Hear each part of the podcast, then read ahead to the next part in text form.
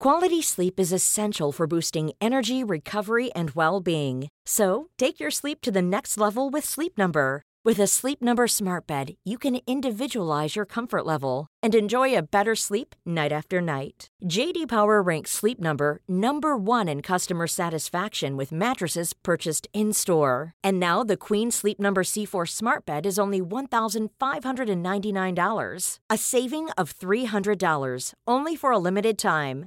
For JD Power 2023 award information, visit jdpower.com/awards. Only at Sleep Number stores or sleepnumber.com.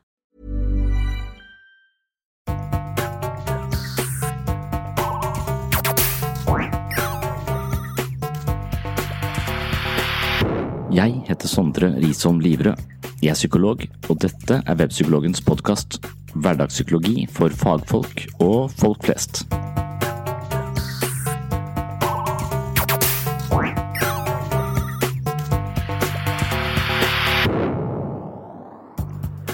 Noen vokser opp med emosjonelt distanserte foreldre. Det kan gi problemer i relasjon til andre og skape en kronisk følelse av mangel på kjærlighet. Man føler seg oversett og skuffet over andre mennesker. Jeffrey Young og Jané Klosko har utviklet en teori som handler om negative, grunnleggende leveregler. Den teorien har jeg snakket om i flere tidligere episoder av Sinnsyn, og i dag skal vi se på en bestemt type negativ leveregel som kalles for følelsesmessig mangel. Teorien til Young og Klosko forteller oss hvordan mange negative erfaringer gjennom oppveksten kan avleire seg som uheldig mønster i vår psykologiske programvare. Faren med negative leveregler er at vi mer eller mindre ubevisst gjenskaper tilsvarende negative erfaringer i voksenlivet, og dette kan ødelegge mye for våre relasjoner, vår livslyst og vår selvfølelse. Lenge etter at vi har forlatt hjemmet vi vokste opp i, fortsetter vi å skape situasjoner hvor vi blir dårlig behandla, ignorert, sett ned på eller overstyrt. Situasjoner hvor vi ikke er i stand til å nå våre innerste mål. Negative grunnleggende leveregler styrer måten vi tenker, føler, handler og relaterer oss til andre på. De setter i sving sterke følelser som sinne, sorg og angst. Negative leveregler har blitt et stort tema på webpsykologen.no og det er et tema som også går igjen i bøkene jeg har skrevet om selvfølelse og selvbilde. Synes du denne podkasten tar opp interessante temaer, er det sannsynlig at du også vil like bøkene, og de er som vanlig tilgjengelig til best pris med gratis frakt på webpsykologen.no. I dagens episode skal vi altså se på en leveregel som kalles emosjonell deprivasjon. Det refererer til en slags følelsesmessig mangel og den typen negative livsmønstre skriver seg gjerne fra oppveksten hvor det av en eller annen grunn var en emosjonell distanse mellom barnet og omsorgspersonen. Denne leveregelen handler om kvaliteten på våre mellommenneskelige forbindelser. Før jeg beskriver en type psykologi hvor man føler seg frakobla, utenfor, distansert eller følelsesmessig utilgjengelig, skal jeg kort spille et utdrag fra en forelesning hvor jeg snakker om negative leveregler hele, hele på en måte selvet vårt er bygd opp av relasjonene eh, vi har til andre, eh, til andre mennesker. Det er dette, dette, intersubjektive perspektivet. At det er meg og den andre. Mennesket blir ikke menneske i et vakuum. Mennesket blir menneske i samspill med andre, andre mennesker. Det er i andres blikk vi vet hvem vi, eh, hvem vi er. Og de negative levereglene som, som er en som det ikke står om i boka, men, men som igjen er en sånn, uh, slags selvhjelpspopularisering av mye av denne typen psykologi. Den heter 'Gjenvinn livet ditt' av Young og Klosko. Uh, og Det er kanskje en av de bedre selvhjelpsbøkene jeg har lest. Jeg har lest mange selvhjelpsbøker. Jeg har vært veldig opptatt av selvhjelpsbøker. Uh, og den, den, føler jeg er veldig pedagogisk, men den, den, snakker, den snakker også om hele tiden den, den er litt kognitivt orientert, så den er litt opptatt av måten du tenker på. Men er også opptatt av hvorfor du begynte å tenke på denne måten. Og da har han med seg disse Eh, disse elementene her. sånn. Og, En negativ leveregel er på en måte et mønster som starter i barndommen, men som får gjenklang også videre ut eh, i livsløpet ditt. Du kjenner En negativ leveregel kjenner du igjen på at det er eh, ting som stadig vekk skjer i livet ditt, eller det er mennesker du møter, eller du blir stadig vekk svikta, eller du blir stadig vekk skuffa. Det, det, er på en måte mønster som gjentar seg i nye relasjoner gang, gang på gang. Uh, og, og, da sier disse negative uh, levereglene sier også, de, måte, de, de, ligger ikke bevisst for oss, de ligger igjen i denne ubevisste delen av oss, men likevel styrer oss uh, på måter som vi ikke er klar over. Og, og hvis vi har negative leveregler, så vil det si de er negative. De fleste av oss har tendenser til det. Eh, men det er på en måte også da litt av eh, operativsystemet, litt av grunnideene vi har om oss selv. Og de, de, tidligste menneskene vi møtte, det var de som hadde mest påvirkningskraft på oss også. Gjerne foreldrene våre og, og de som sto oss nærmest i en tidlig alder, var med å legge grunnmuren i personligheten vår, eller grunnmuren i si, selve operativsystemet. Da. Uh, og, og hvis, du et, hvis, du har negative innsmett i dette grunnleggende operativsystemet ditt, så, du, så, vil det styre deg i den forstand at du vil stadig vekk søke mot relasjoner som bekrefter de tankene du har om deg selv, som du ikke vet at du har om deg selv. på en måte, De som ligger, ligger latent, de som ligger fra, fra, langt tilbake i tid, som er, som er grunnmuren i, i, din idé om deg selv. Og Har du en negativ idé om deg selv, så har du en tendens uten at du legger merke til det, til å møte mennesker som bekrefter, eh, bekrefter dette. Det er også med disse uh, objektrelasjonene man kan se på det som maler i måter å være på eller møte andre på, maler i måter å forstå seg selv uh, på. Uh, og når vi har det, så søker vi det bekrefta, for da vet vi hvem vi er. Hvis vi får bekrefta oss selv på en måte som vi overhodet ikke kjenner igjen, så er det skremmende for oss, og vi vil ofte avvise det ganske raskt. Uh, du er flink, da. Nei, det, det noen som sier at du ja, for hver du, du, må liksom, du kan høre én negativ ting, men du trenger 100 positive for å veie opp for den egne eh, negative. Det kommer helt an på hva slags operativsystem du har. Eh, det er noen som har et operativsystem som bare hører det positive også, som ignorerer alt det negative. De har det sannsynligvis mye bedre. De lever i en annen illusjon enn de som bare ser på seg selv som, eh, som negative. Så jeg tenkte at det, Jeg husker ikke hva jeg sa sist ikke sa sist, men jeg, jeg har tenkt at, at dette Eh, systemet, dette psykiske operativsystemet, søker å bekrefte seg selv, og det søker å tolke informasjon på en bestemt måte. Eh, og da søker det gjerne mot eh, da mennesker som bekrefter oss som de tenker, tenker, at vi er. Og speilet bekrefter oss på, sånn vi er på utsiden. Og hvis vi ser veldig annerledes ut i kveld enn vi gjorde i dag morges når vi sto opp og så oss i speilet, så vil det være skremmende for oss. Hvis vi plutselig har endra utseende i løpet av dagen, så er det, er det ganske skummelt. På samme måte kan man se for seg at det er skummelt å møte mennesker eller omgås mennesker over lengre tid som bekrefter oss på en annen måte enn det vi er vant til. Så for mennesker som er vant til å, å bli sett på som eh, Eller føler seg litt dårligere enn andre, eller eh, blir, eh, alltid blir skuffa osv. Når de møter mennesker som ikke gjør dette, som bryter dette, dette mønsteret, så blir de ofte litt usikre på hvem er jeg nå, hvordan fungerer dette. Kanskje tydeligst å se hos de menneskene som er vant til å som lever i parforholdet hvor de blir slått da, og banka, kanskje. Og så, og så har de gladvis utviklet en idé om at jeg er en person som ikke er eh, verdt å elske, eller jeg fortjener eh, et slag eh, i ny og ne. Og idet de klarer å bryte ut av et sånt forhold og komme inn i et forhold med en person som elsker de og ikke slår de, så vil problemene Det er da de søker hjelp, for det er da krisen oppstår. Nå vet jeg ikke lenger hvem jeg er. Og så begynner de nærmest å oppføre seg eh, nesten litt ufint overfor den par nye partneren, bare for å se om de kan fremprovosere et slag på en måte fra, fra den andre. For hvis idet han slår, så henger ting på grep. Da veit jeg hvem jeg er. Da kan jeg planlegge fremover. Hvis du bare elsker meg, hvis du ikke, ikke slår meg, så, uh, så, er det som å se seg selv i speilet med helskjegg.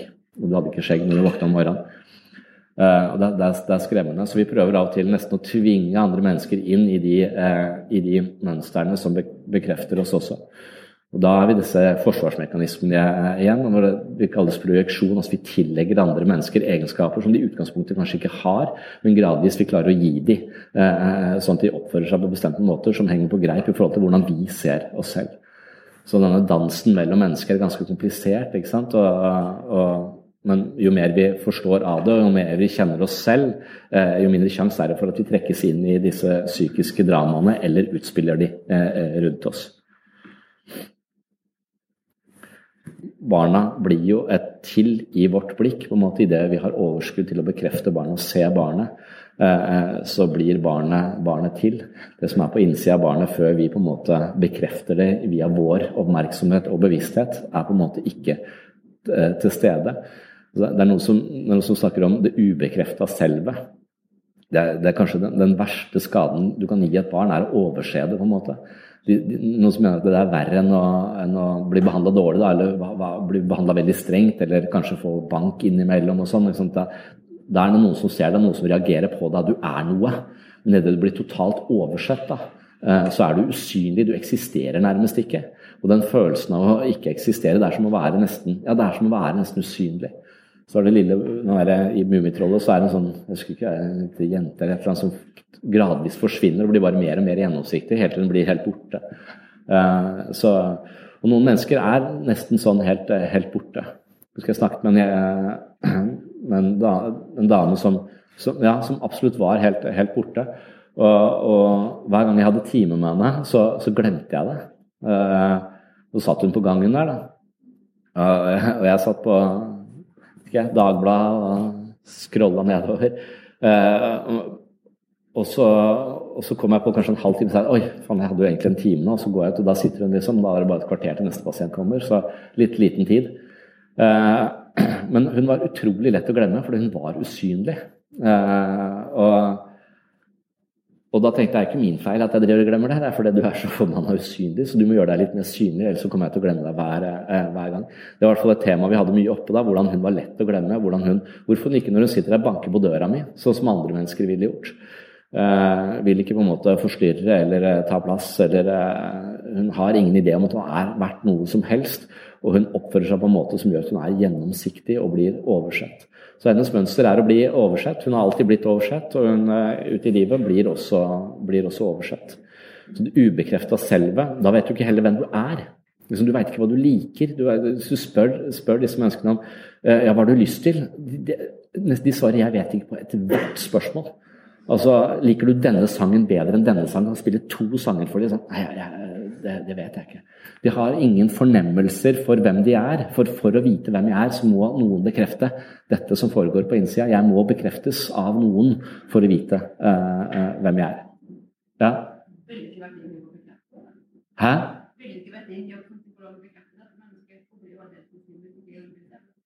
Jo, men, men, jeg tenker også at eh, det er ikke noe vits i for meg også å være bedre enn alle andre. For at Hæ? Jo, jeg, vi må tematisere det. Jeg, jeg vil bekrefte, bekrefte, henne. og på en måte, Vi vil tematisere dette, vi vil se dette mønsteret, på en måte. Men, men så er det hennes Om jeg bøyer meg baklengs for å bekrefte henne, så er det ikke sikkert at nestemann du møter på gata, gjør det. Så henne, den, den viktige all psykologisk forandring kommer innenfra og ut, ikke utenfra og inn. Så om jeg fungerer veldig bekreftende, så kan det være kanskje godt for henne der og da, men så lenge ikke hun finner et mønster på hvordan hun kan opptre, sånn at hun blir synlig, tar plass, føler at hun har rett til å ta plass Hvis ikke hun gjør endringer i, i, sitt, eh, i sitt, liv, så vil ikke denne eh, møtet med meg ha noen gjennomslagskraft. Da. Så det er veldig viktig å, å, å Eh, psykoterapi handler om å, å, å, snakke om mønstrene som dukker opp. Eh, så vi vil tematisere dette veldig at jeg glemmer henne. Eh, det er et ekstremt interessant fenomen. ikke sant? Så, så man kunne sagt nei, beklager, det, det var pga. Jeg kunne, jeg kunne lagd en eller annen forklaring på det. Men jeg glemmer nesten aldri noen. Det er, det er veldig sjelden at jeg glemmer en, glemmer en avtale. Så, så derfor så, så er, det, er det spesielt. Og det er klart, ja, Hun trenger bekreftelse, hun trenger, eh, eh, hun trenger eh, mye omsorg og støtte og bekreftelse. Og psykoterapi er jo på en måte i bevegelsen mellom å støtte, bekrefte folk, men også bokse de nyrene. Så i den grad du, så, så det er den, denne Det kalles jo endringsfokuserte intervensjoner og mer støttende intervensjoner. Og de endringsfokuserte handler om at Eh, du konfronterer vedkommende med måter å være på eller måter å forholde seg på som sannsynligvis ikke som gjør at jeg glemmer deg. Og hvis jeg glemmer deg, så er det sannsynlighet at verden der ute også kommer til å overse deg ganske stor. Hva kan du gjøre for å bli synligere? Det er den ene delen av det. Og den andre delen er å bekrefte eh, eh, vedkommende. Så det, er, det, er, det, ligger mellom de to polene der hele tiden. Mm. Psykisk sunnhet kan på mange måter forstås som vår evne til å inngå i betydningsfulle relasjoner til andre mennesker. Vår første og viktigste relasjon er den vi som barn har til våre omsorgspersoner. Barnets tilknytning til nærmeste omsorgspersoner vil ofte fungere som en slags mal for mellommenneskelig kontakt. Denne relasjonen er uhyre betydningsfull fordi den kommer til å influere på hvordan vi omgås andre mennesker senere i livet. Som mennesker har vi en del grunnleggende behov som må være dekket for at vi skal utvikle oss på en god måte. En god forbindelse til andre representerer ett av disse grunnleggende behovene. Dersom man opplever svikt på dette området, kan det være at man enten lider under en negativ leveregel som handler om å føle seg utenfor og isolert, eller den leveregelen som kalles emosjonell deprivasjon, som vi skal fokus på i denne episoden, eller begge to. Før vi beskriver den følelsesmessige distansen som kan opptre ved dette livsmønsteret, må vi kort si litt mer om hva vi mener med en god forbindelse til andre, og på hvilken måte dette kan betraktes som et grunnleggende behov. Muligheten for å utvikle en trygg tilknytning til andre mennesker er avhengig av et godt utgangspunkt. Vårt viktigste utgangspunkt er tilknytningen og relasjonen til foreldre og omsorgspersoner. Et barn får de beste tilknytningsmulighetene i en relasjon som er preget av kjærlighet, respekt, oppmerksomhet, empati, affeksjon, forståelse og føringer. Dette har vi behov for både fra familie og venner. Når vi opplever dette fra våre omsorgspersoner, blir vi også i stand til å utvise dette overfor andre. Det er via omsorgspersonene at barnet lærer om seg selv, sine følelser og det mellommenneskelige samspillet. Mennesket er et sosialt vesen. Som regel inngår vi i mange ulike relasjoner. Grovt sett kan vi si at det finnes to hovedtyper av mellommenneskelige forbindelser. Det første er intime forbindelser. Det er emosjonelt sterke bånd som hører til den nærmeste familie, og sosiale forbindelser, som handler om følelsen av tilhørighet i en større sosial sammenheng. Levereglene, som handler om en følelsesmessig mangel, skriver seg fra skader eller svikt i de intime relasjonene, men svikt i de sosiale forbindelsene, som eksempelvis mobbing kan forårsake, gir seg oftere utslag i en leveregel som kalles sosial isolering eller fremmedgjøring. Det er ikke alltid at problemene i forbindelse til andre mennesker er åpenbare. Det kan ligge skjult bak en tilsynelatende sosial fasade. Noen mennesker kan virke både trygge og sosialt kompetente, men innerst inne kan de likevel føle seg dypt isolerte, distanserte og ensomme. Personer som har problemer med relasjoner, har ofte vokst opp i et slags emosjonelt vakuum hvor ingen kommuniserer følelser og det foreligger lite fysisk nærhet. Følelsene er de viktigste markørene vi har i det sosiale samspillet. Det er gjennom språket og våre erfaringer i relasjoner til andre at vi forstår våre følelsesmessige responser og hvordan de påvirker oss og andre. Dermed er det helt avgjørende at barna vokser opp i et miljø som kommuniserer følelser. Foreldrene må fungere som et emosjonelt speil for barna sine. Det er gjennom foreldrene at barnet lærer å tåle, forstå, bruke og uttrykke sine emosjonelle behov og reaksjoner. Et miljø som underminerer de følelsesmessige aspektene ved livet, vil frarøve barnet den arena det trenger for utviklingen av selvforståelse, sosial samhandling og ikke minst utviklingen av det som noen kaller emosjonell intelligens, og som er en avgjørende faktor for psykisk sunnhet.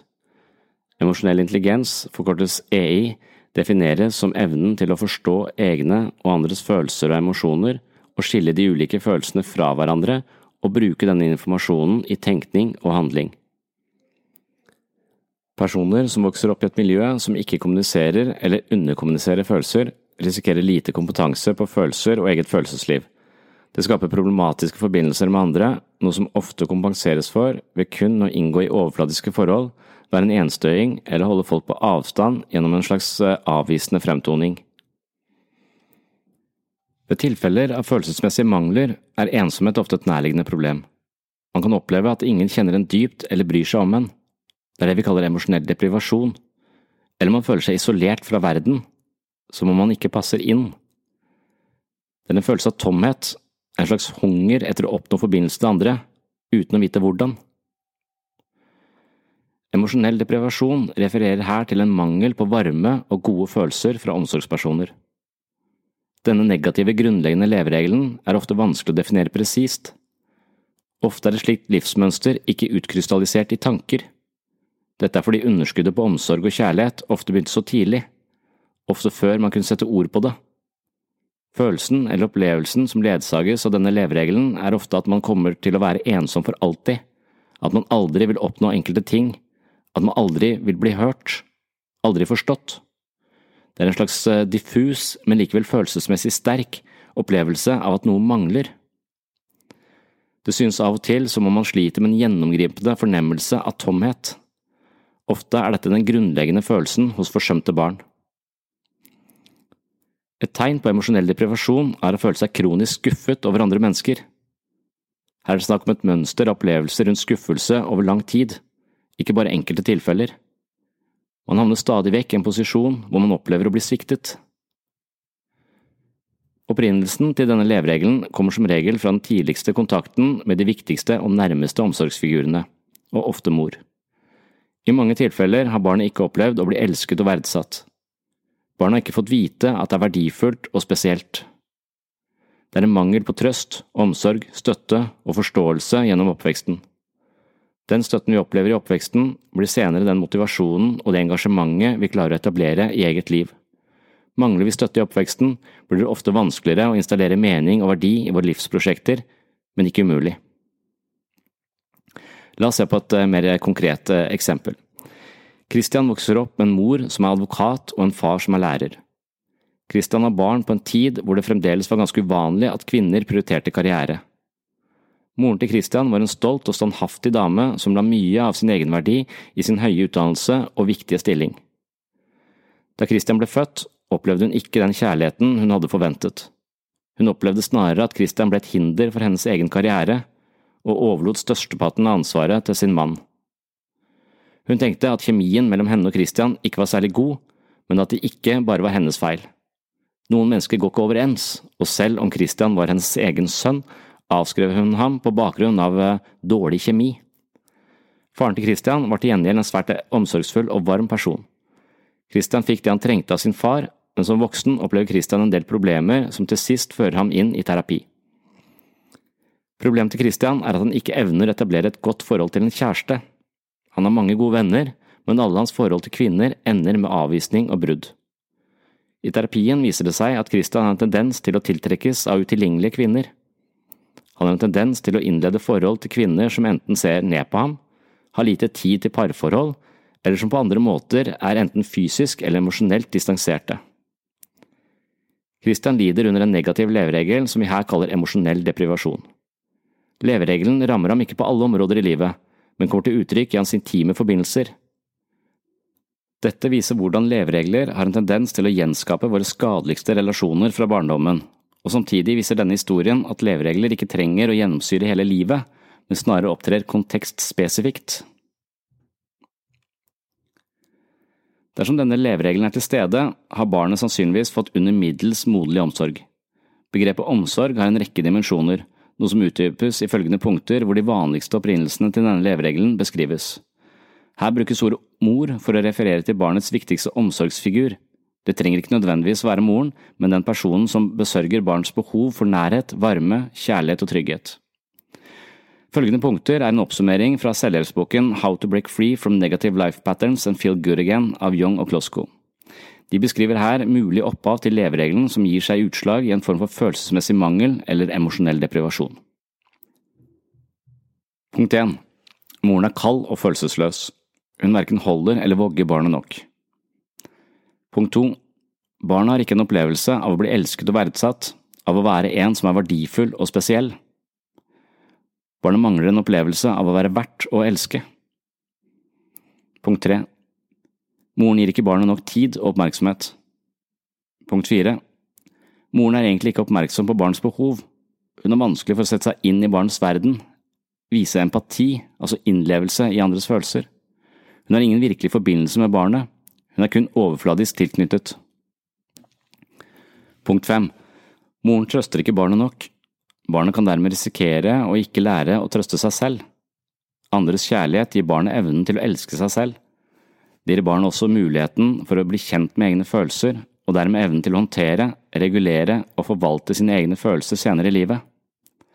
Man kan også risikere at barn som ikke får nok emosjonell støtte og omsorg, utvikler et kronisk behov for andre mennesker. De er avhengig av andres støtte for å regulere egne følelser. Det gjør det vanskelig å trives i eget selskap, og det kan fremstå som kravstore overfor andre. Foreldrene gir ikke barnet nok oppfølging, eller bidrar ikke med nok veiledning. Det finnes dermed ingen faste holdepunkter for barna. Dette skaper uro og utrygghet, noe som gir grobunn for psykiske problemer. Noen ganger er det ikke så lett å se om man faktisk sliter under leveregelen emosjonell deprivasjon. I motsetning til andre leveregler, hvor en forelder ofte har gjort noe aktivt som skader barnet, kommer emosjonell deprivasjon fra et fravær av enkelte typer moderlig atferd. Det kan for eksempel dreie seg om situasjoner hvor moren ikke har stilt opp for barnet når det har vært oppe i en vond situasjon. Noen foreldre kritiserer sine barn mye av tiden, noe som skaper grobunn for leveregelen som handler om skam. Her former barnet en identitet og en selvforståelse som forteller at de ikke er noe verdt og aldri er gode nok for foreldrenes anerkjennelse.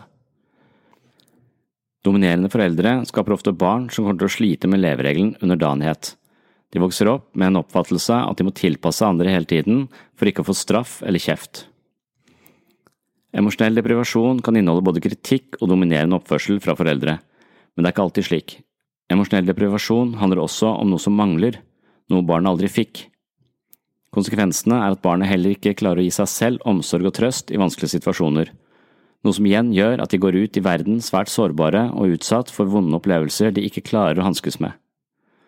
Den omsorgen vi får i oppveksten, blir voksenlivet omgjort til egenomsorg.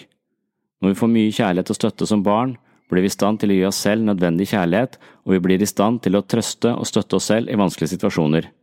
Vi blir selvstendige. I motsatt fall har vi underskudd på omsorg, noe som betyr at vi har dårlig utgangspunkt for å støtte oss selv i vanskelige situasjoner. Vi overmannes av vonde følelser vi ikke klarer eller har lært å håndtere. Ofte opplever vi oss selv som et offer for omstendighetene fordi vi sliter med lav selvfølelse og dermed ikke tror på at vi faktisk kan påvirke omstendighetene.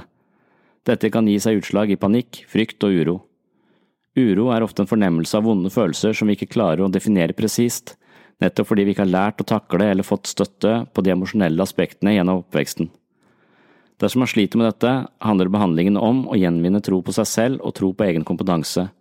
Det gjelder å gi seg selv ros og overvinne den automatiske negative tankegangen. Det faktum at noe mangler, gjør at man kanskje ikke umiddelbart kjenner seg igjen i denne leveregelen. Det kan være man ikke kjenner igjen leveregelen i seg selv før man har stilt seg selv konkrete spørsmål.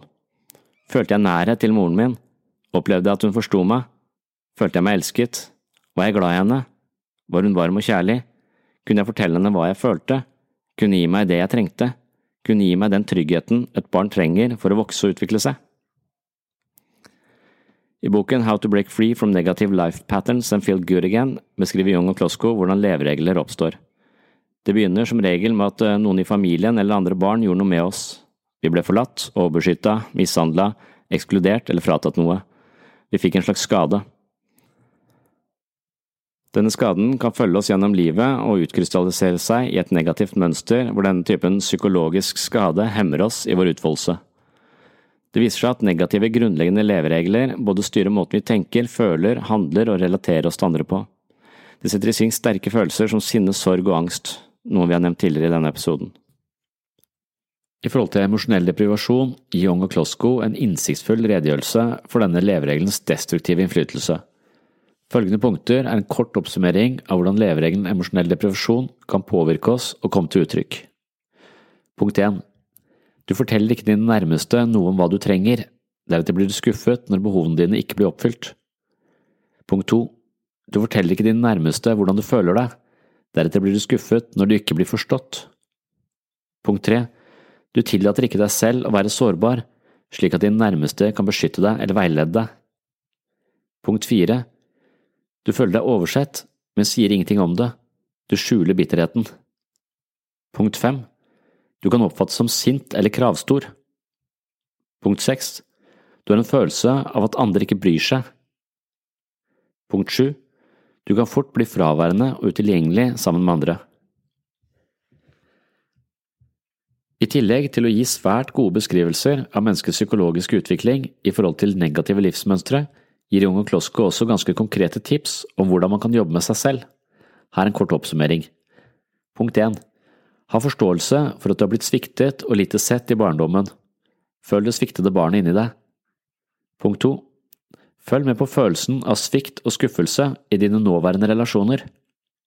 Punkt 3. Tenk gjennom tidligere forhold. Prøv å kartlegge mønstrene som går igjen.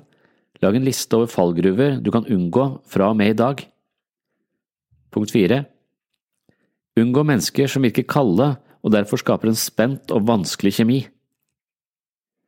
Punkt fem Forsøk å vise dine behov og sårbare sider, slik at du kan få det du har behov for. Ofte synes andre det er godt å være emosjonelt og støttende til stede. Punkt 6. Vær oppmerksom på at du ikke umiddelbart ser på andre som om de skuffer eller ikke bryr seg om deg. Av og til kan negative leveregler ligge dypt forankret i mennesket. Da er det ikke alltid like lett å endre på dem, og noen ganger trenger vi profesjonell hjelp. Uansett er første skritt på veien ofte å innse eller anerkjenne sitt eget mønster.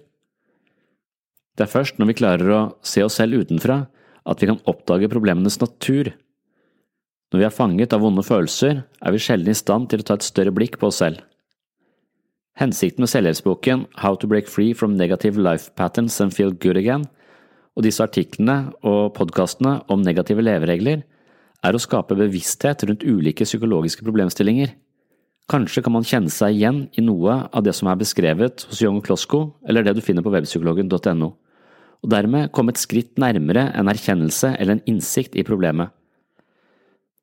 Før vi kan løse et problem, må det defineres. Emosjonell deprivasjon er et problem som kan oppstå med ulik alvorlighetsgrad. I populærkulturen dukker det stadig vekk opp som en tematikk hvor mennesker ikke klarer å forplikte seg i nære relasjoner over tid. Seinfeld er for eksempel en sitcom hvor alle karakterene til en viss grad mislykkes i nære relasjoner. Ofte finner de på overfladiske unnskyldninger for å trekke seg ut av et forhold som kunne blitt en fortrolig relasjon. Når man sliter med følelser og nærhet, blir denne typen relasjoner vanskelig, og dermed konstruerer man en tilsynelatende god forklaring på hvorfor dette forholdet ikke kan fungere. Det ligner det jeg kalte for rasjonalisering i en tidligere episode av Sinnsyn. La oss kort høre noen av unnskyldningene som Jerry, George, Elaine og Kramer tyr til når de får andre mennesker for tett innpå seg. Man hands. He's a regifter. She's a two-face. She's got the Jimmy legs. She's a virgin. He's poor. She's got everything I've always wanted in another human being, except for the walking. She eats her peas one at a time. She just took credit for my salad. He's a male bimbo.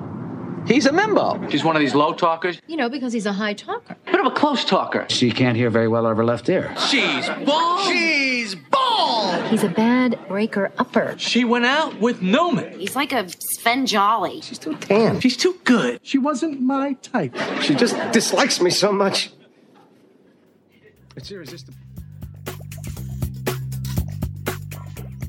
Mistenker du at du sliter med en såkalt negativ leveregel, kan du undersøke dette nærmere på webpsykologen.no. I sidebar på siden har jeg laget en klikkbar boks som heter personlighetstest. Det er ikke en klassisk personlighetstest, men snarere en test som har til hensikt å utrede de negative levereglene. Her er det mange spørsmål, og i den grad du kjenner deg igjen, vil det kunne angi om du lever under innflytelse av negative leveregler. Her kan du finne ut hvilke leveregler som eventuelt hemmer deg, hvordan de skal forstås, og ikke minst hva du kan gjøre for å bryte ut av deres destruktive innflytelse. Før vi setter punktum for i dag, skal du få høre hvordan jeg snakket om emosjonell deprivasjon for mange år siden. Det er hentet fra et eh, foredrag, men jeg husker ikke for hvem eller hvor det stammer fra. Tematikken er uansett emosjonell deprivasjon, og det passer fint som avrunding på dagens episode. Leveregler og emosjonelle forbindelser, forbindelse med andre, emosjonell deprivasjon og sosial uh, isolering, to leveregler som uh, er der. Emosjonell deprivasjon er en følelsesmessig mangel. Eh, og det å lære å elske noen, eh, det betinger at vi har blitt elsket, nærmest. Eh, så Mitt eksempel her er, en, en, som jeg kalte Fredrik, tror jeg. Han, han, moren hans ga han alt han trengte, bortsett fra egentlig hun, hun likte han ikke. Eller han var til bry. For moren hans hadde et forhold til en gift mann. Hun tenkte at hvis jeg får et barn med denne gifte mannen, så vil han velge meg fremfor sin familie. Og så får, blir hun gravid, og så bærer hun fram dette eh, barnet, men mannen velger den andre, eh, den opprinnelige familien sin, og forlater henne totalt, vil ikke ha mer kontakt med henne. Og Da står hun der med en unge som hun egentlig ikke ønsker seg, alene i hvert fall. Eh, men hun, han, får det, denne, han får det han trenger, bortsett fra den båndet. Han får det materielle, men han får ikke det følelsesmessige. Eh, og, og, og det eh, preger han eh, sannsynligvis. Og når han vokser opp, så kommer han i behandling. og Opplevelsen hans er å leve i en emosjonell ørken. Han føler veldig lite, og han har veldig sånne Så spør jeg ja, men du, hadde du ikke en kjæreste? Jo, men hun elsket meg ikke. Nei vel. Hvordan vet du det? Jo, det, var en, det uh, hadde han bevis for. fordi at uh, når hun hadde bursdag, så hadde han kjøpt en klokke til hun, og den kosta 3000 kroner. Når han hadde bursdag, så hadde hun eh, kjøpt en bukse og et slips, og det kosta under tusenlappen. så det beviste at han elsket henne mer enn hun elsket han, og derfor så gjorde han det slutt. Da glemte han uh, å fortelle at hun også hadde invitert til en fest for ham, uh, på en måte, men det telte ikke i hans, uh, i hans verden. Som leter etter bevis for at den andre ikke elsker meg nok. Det er en inderlig ønske om å klare å elske et annet menneske, men kompetansen er rett og slett ikke der. Det er en emosjonell deprivasjon, en følelsesmessig mangel, um, som kommer til uttrykk, som også det, handler om hans forbindelse til, til moren. Seinfeld er sånn. Uh, Seinfeld er emosjonelt deprivert. Han finner alltid et eller annet gærent med de folka, de damene han er sammen med. Enten har de for store hender, for stort hode, ler på feil måte. Uh, han finner alltid et eller annet ubetydelig som får en stor betydning for ham, og som kan sørge for at han gjentar mønsteret sitt, altså ikke klarer å binde seg nært uh, til et annet menneske. Så det, det, det er Seinfeld sin. Og så er det også med disse levereglene, de er kontekstspesifikke.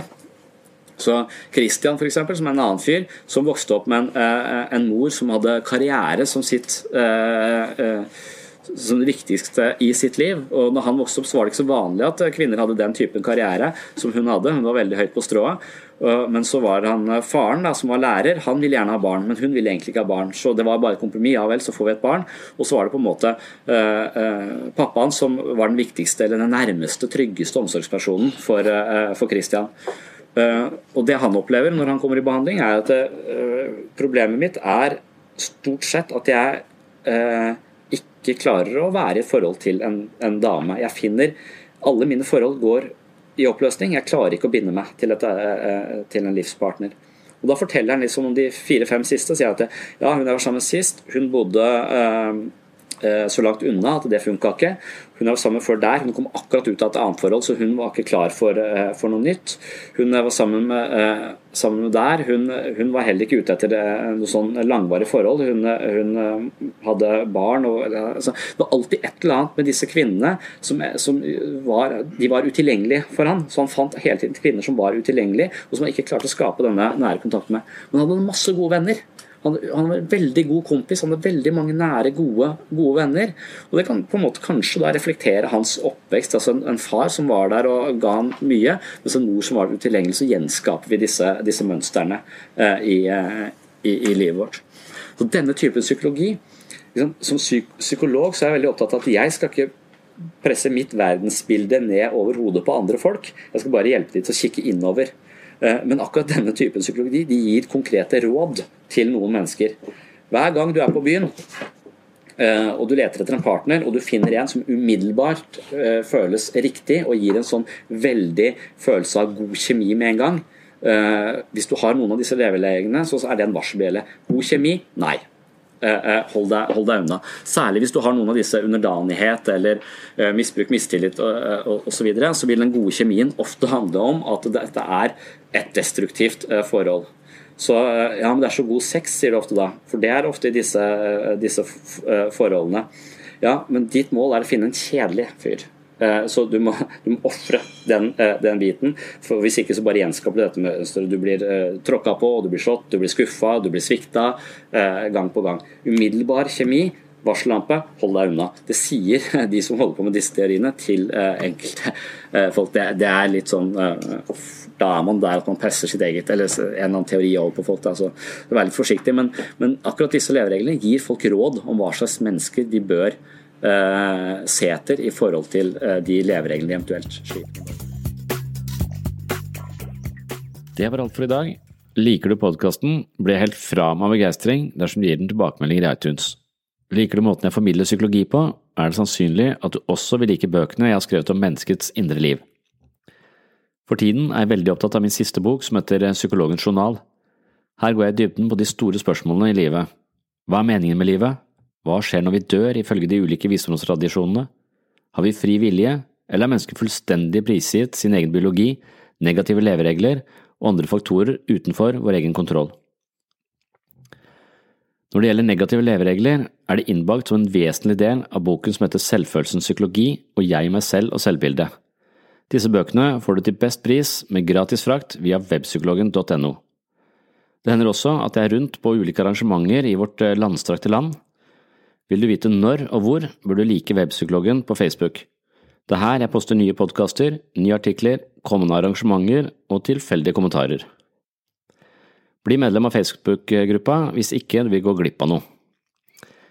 Ellers er mitt mål å spre kunnskap om psykisk helse og menneskets muligheter for vekst og utvikling til så mange som mulig. Jeg er forankret i akademisk psykologi, men forsøker å formidle teoriene på en måte som gjør dem relevante for levd liv. Dersom du liker podkasten eller nettsiden, vil det være fantastisk om du anbefaler den til venner og bekjente. Takk for at du fulgte med så langt, og på gjenhør i neste episode.